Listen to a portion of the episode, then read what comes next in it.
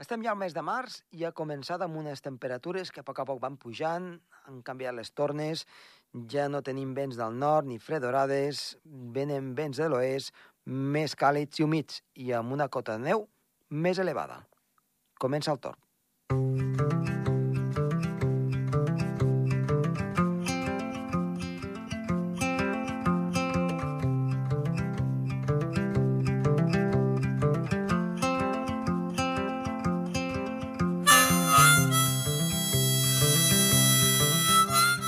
En el programa d'avui parlarem de la neu, del fred, amb Gerard Tauler, de les gregalades, del fred que ha fet doncs, al llarg del final del mes de febrer i que ha afectat molt, sobretot a les illes eh, de Mallorca, en menor mesura, al Pirineu, però també ha tingut la seva repercussió. I en Josep Maria Gasca, eh, meteoròleg, també ens parlarà sobre el que són les glaceres i quina influència tenen en general a la nostra terra. Som-hi!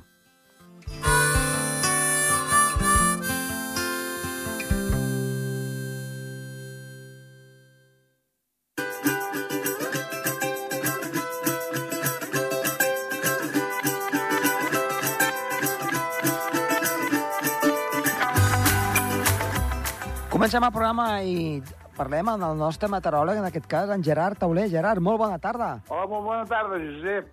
Com va això? Vinga, anar fent. Molt bé. Avui ens vols parlar eh, doncs, del que aquestes darreres setmanes ha succeït eh, força, que són doncs, freds intensos i sobretot nevades. Nevades, nevades. Vinga, doncs què, què en parlarem de les nevades? Doncs les nevades, les més històriques, són de l'any 1947 aquí a Girona. Uh -huh. A la ciutat de Girona i la Costa Brava va caure un, un bon temporal de neu. Entre el 24 i el 27 de gener del 47 es van acumular 1 metre 75 met 1,75 metres, o sigui, 175 centímetres de neu, a Palamós 120, a Palafrugell 85, a la Bisbal i 40 a Girona. Són nevades històriques, aquestes, eh? Va ser una nevada amb vent de gregal, unes situacions sinòptiques. Uh Mhm. -huh. Canvi, aquí a Andorra, les situacions que us fan més nevar són amb, amb situacions de vecció al nord-oest, no? situacions atlàntiques i amb, i amb un front fred i amb el jet, amb el jet, no? amb el corrent en raig passant per damunt d'Andorra. Exacte, sí, sí. De fet, hi ha una cosa molt eh, característica de les nevades aquestes que parles tu, de, de les costes, amb, amb situacions de gregal, que ara m'agradaria un, un momentet eh, eh, que, Sí. que ho expliquessis, que fixa't tu que aquí a Andorra, quan neva molt, eh, pot nevar un metre i mig eh, o dos metres, doncs a l'alta muntanya i a les zones de fons de vall un metre, no? Eh, a màxim. Rarament eh, se n'acumula més d'un metre. Eh, quan és una nevada, doncs, i- important, eh? eh Intensa, sí. Són molt similars, eh, en quant a gruixos, les de gregal a les que tenim aquí eh, al país. Evidentment, aquí podem tenir 3, 4 o 5 dies de, de, de vents del nord i aquí doncs, van acumulant a l'alta muntanya fins a dos metres o més de neu. Eh? Però de neu caiguda al fons de la vall, eh, la cosa està molt igualada, eh, fins i tot. Jo- S'assembla molt a, a, a fons la vall al, al Sí, dalt, sí. no? de les muntanyes. I aquesta situació de gregal, Aquí, eh, eh, eh, aquí les situacions que fan nevar més al, al Pirineu de Gironès són les llevantades, per això. uh -huh. explica'ns una mica com... Més, més les gregalades que aquí fan nevar més a la costa, Sí?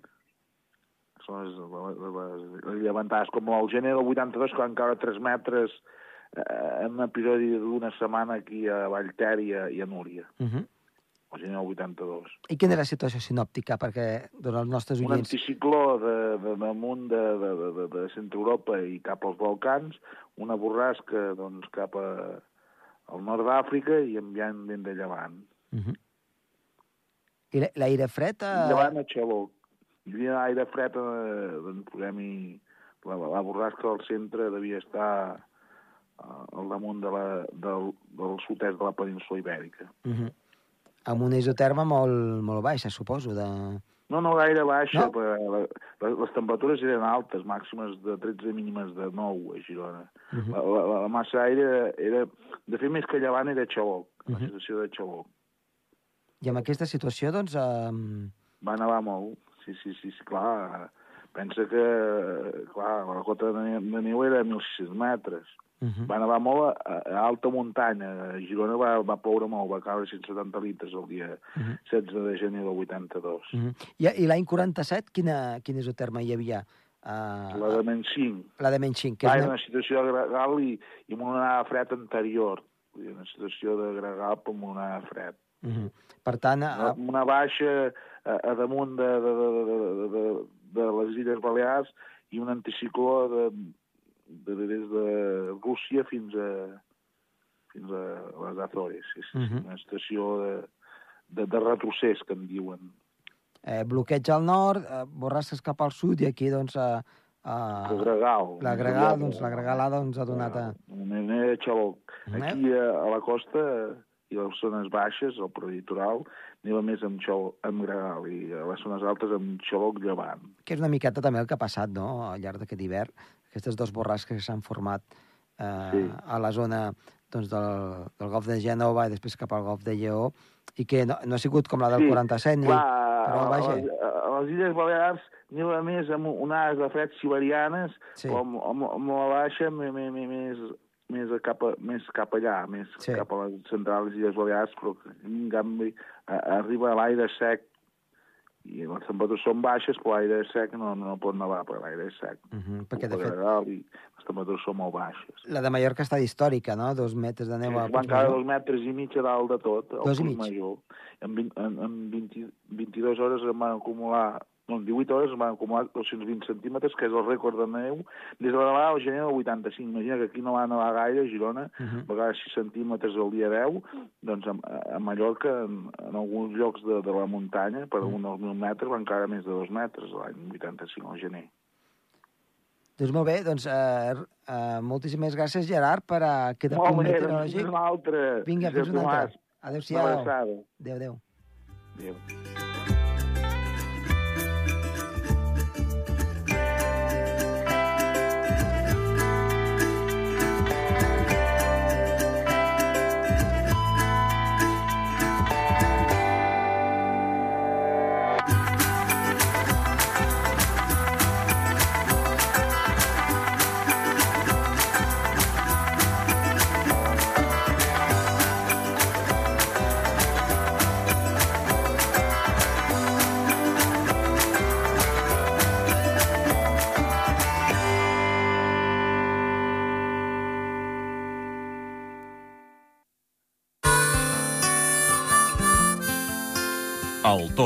Amb Josep Tomàs.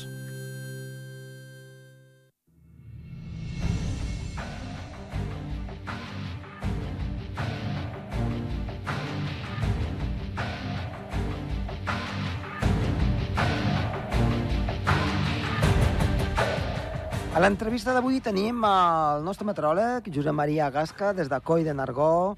Josep Maria, molt bona tarda. Molt bona tarda.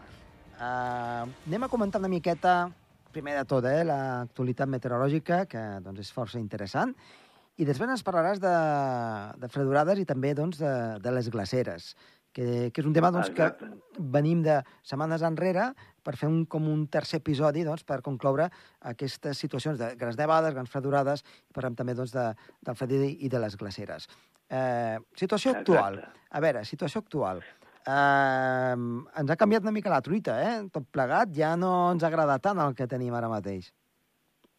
No, eh, semblava molt prometedor fa ben pocs dies, amb un anunci dels mitjans eh, d'arreu, eh, i sigui premsa escrita, ràdio i televisió, d'una sí.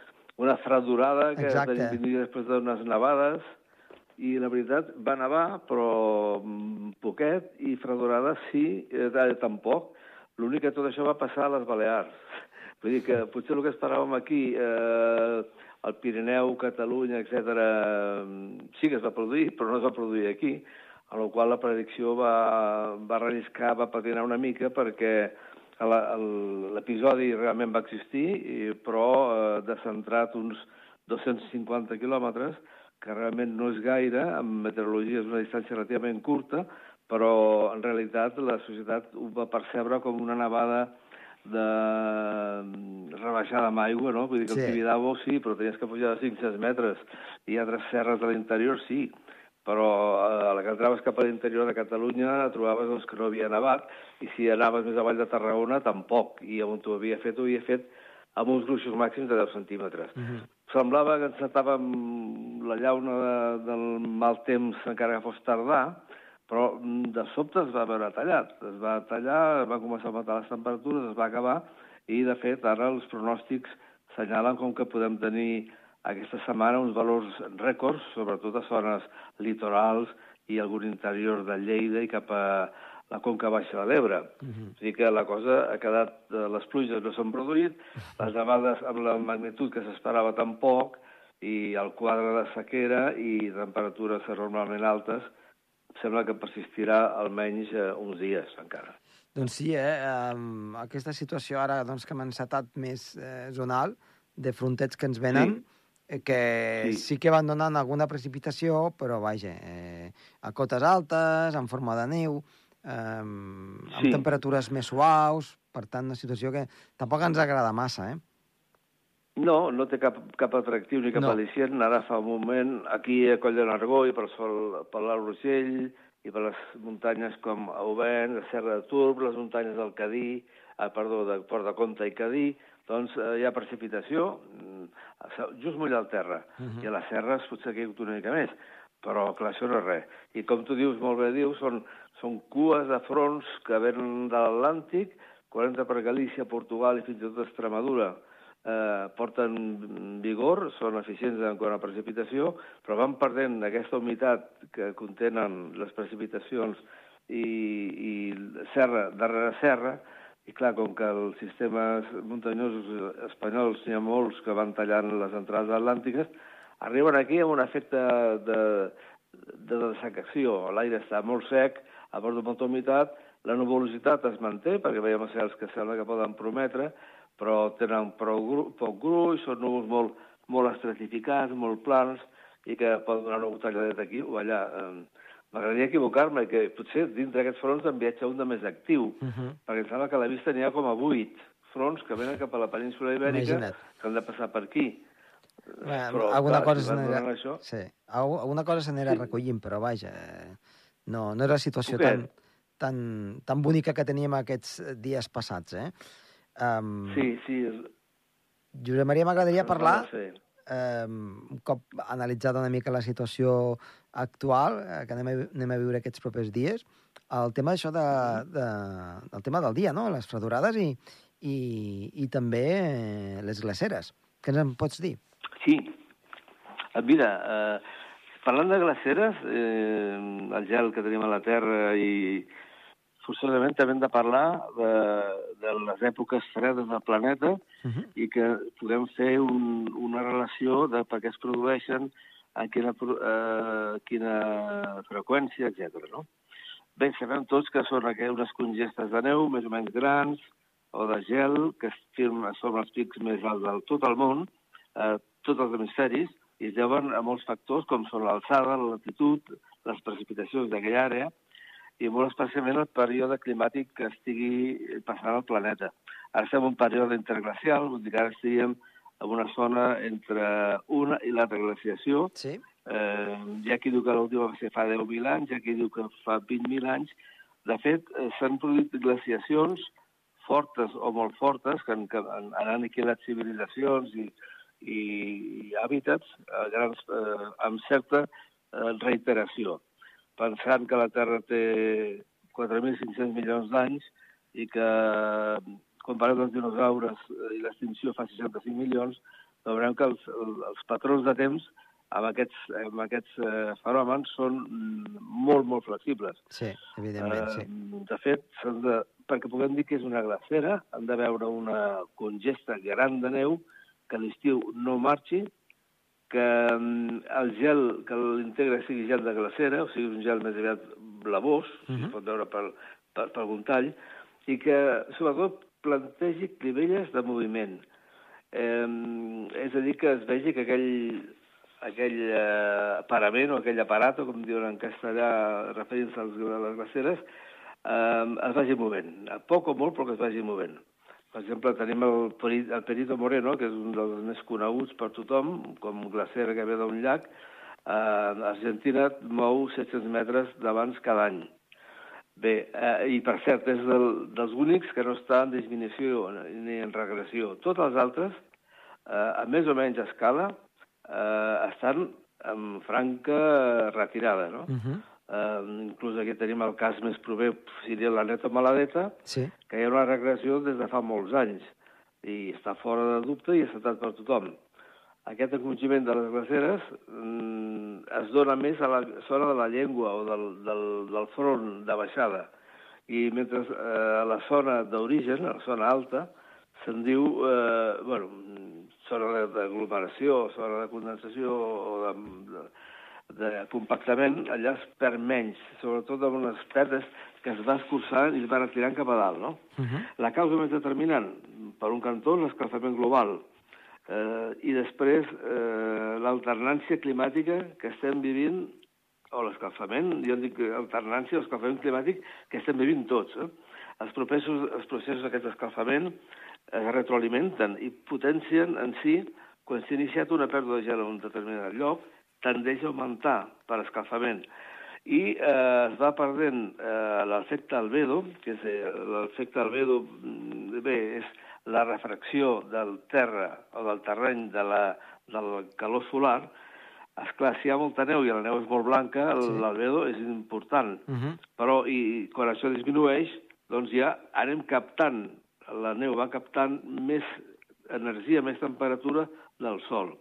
Eh, Tots recordem, havem vist, o tots o molts recordarem que per televisió, o personalment els que hem pogut veure, els Alps suïssos, que es cobreixen amb unes grans lones eh, de, eh, blanques, de determinades zones d'esquí o de glacera que convé eh, utilitzar l'estiu per l'esquí, per l'esquí perquè no rebin la, la temperatura del sol a l'estiu a la glacera. Que, de fet, a l'estiu és més perniciós per la glacera que l'hivern, perquè a l'hivern es mantindrà, però a l'estiu, si arriben a màximes molt altes, eh, bé, és quan realment pateix més, més la glacera. No? Aleshores, aquestes accions locals són molt, molt limitades amb la seva, amb la seva extensió i no, no, tenen, no tenen gaire aplicació a altres llocs. Ja. Ah, Un altre fet que afecta molt la neu és la, la pols, la pols bruta que cau. Hem tingut experiències a Andorra uh Mhm. aquest any i l'altre, crec, I tant. de pols que caia amb la nevada Mhm. i quedava una, tap, una capa quasi rogenca, no? marró, Sí. com si haguéssim tirat I això, cacau, no? I això, amb això que Aquest- estaves dient, provocar doncs, que hi hagi una fusió molt més ràpida, perquè I eh, tant, al, i al ser tant. la neu més fosqueta, doncs, a, a, Mhm. absorbeix més la calor i, per tant, es fon més ràpid. Exacte. Eh, el que deies de l'efecte albedo. Un cotxe negre, Exacte. Sí, sí. Exacte. L'efecte albedo es disminueix perquè no, no hi ha tanta refracció i, per tant, ho assimila i va produint, doncs, l'augment de glaç per aquestes aportacions que poden ser des de pols marina o pols marí, eh, erupcions volcàniques, sorra al desert, eh, cendres que venen d'aquí Sapon, eh, la combustió, combustió d'hidrocarburs. Tot això fa un, una, una barreja no? que està a l'estratosfera i va, va, va baixant i va, va caient sobre les zones inhibades, la neu no es veu tan blanca i això es, tradueix el que dèiem el, el, el desgel. També un altre factor també de desgel, aquest és més difícil de veure, però és el permafrost, sí. que és el terra congelat que hi ha a la tundra i a Sibèria, que evidentment també té un efecte de liberació de gas metà que va a l'atmosfera i és un dels gasos que també contaminen molt. O sigui, hi ha bastants factors que estan atacant a, a la neu dintre de, de que ens trobem un període interglacial en el qual eh, inclús la petita edat de gel de, de, del segle XV al segle XVIII està en una època d'escalfament. De, de, o sigui que es pot produir en una època de glaciació, que bé, la primera s'espera d'aquí 30 o 40 mil anys, però dintre una glaciació d'aquest tipus poden haver episodis càlids. Quan dintre episodis càlids podem tenir, en parèntesis, més freds, però curts, no? Uh -huh. I aquí comentem que el retrocés de les glaceres és un tema comentat pel, pels científics, tal qual, sense complicar-ho, i es dona quan, evidentment, una glacera no recupera a l'estiu el que ha perdut eh, durant, eh, al revés, el que ha guanyat durant l'hivern. Uh -huh. Augment de temperatura, descens de precipitació... Digue'm, digue'm. I, I també la temperatura dels 0 graus, no?, que, que puja una mica de- de- d'altitud i això fa doncs, que, que, es vagi, Sí. que es vagi desfent, no? Una mica el que està passant als, Sí, exacte. La, la al Pirineu. cota a nivell zero... De fet, la, cota, el, mig- la temperatura mitjana a 3 graus a l'alçada del- de la neu la faria aguantar, però va molt per sobre d'aquest punt. Aleshores, clar, estem en, potser amb, amb cotes eh, de 15 graus de 1.500 i, Clar. Vi, i, i, o 20, eh?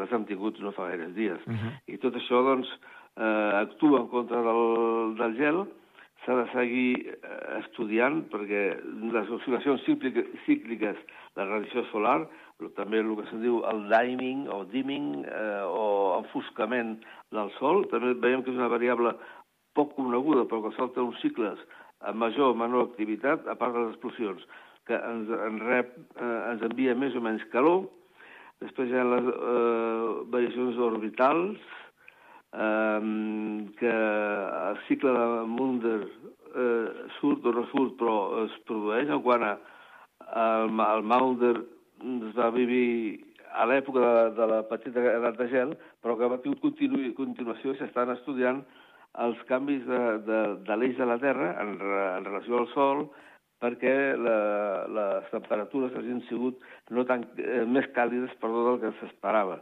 Això és un nou, un nou tema, no?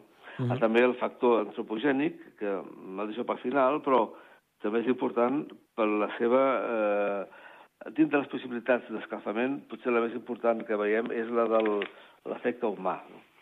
Aleshores, eh, les glaceres eh, de la, a partir de les precipitacions de neu i les nostres mm, regions es produeixen, són més aviat reduïdes.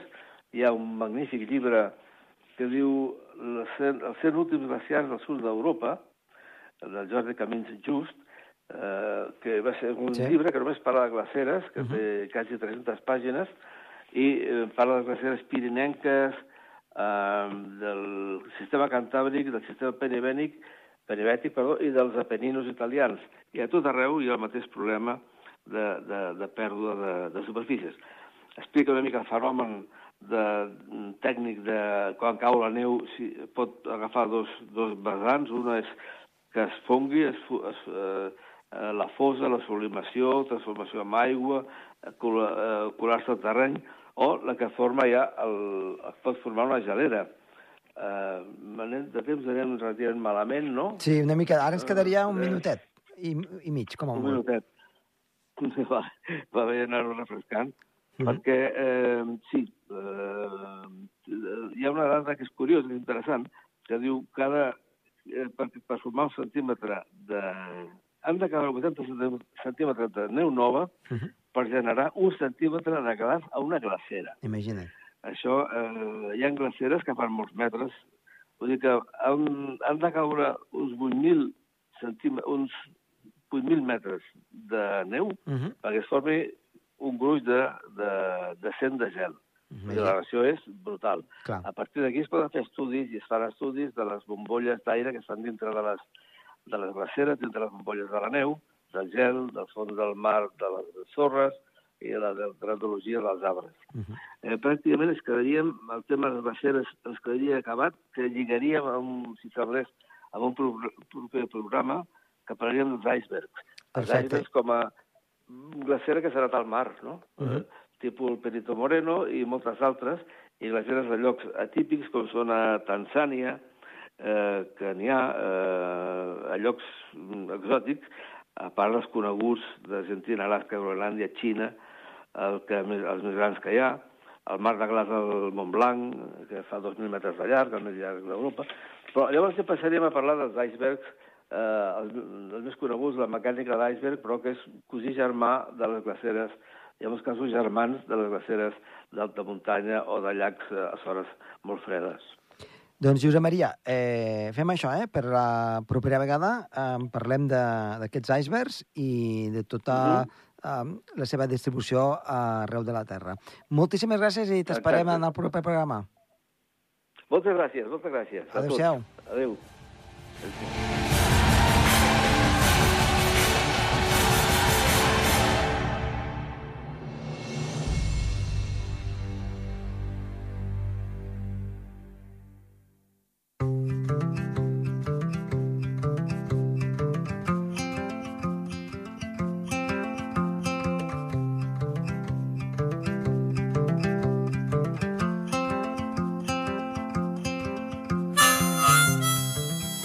Fins aquí el programa d'avui. Esperem que els hi hagi agradat estar amb nosaltres, Oriol Piera, i que els ha parlat amb molt de gust, Josep Tomàs Bosch. Adéu-siau.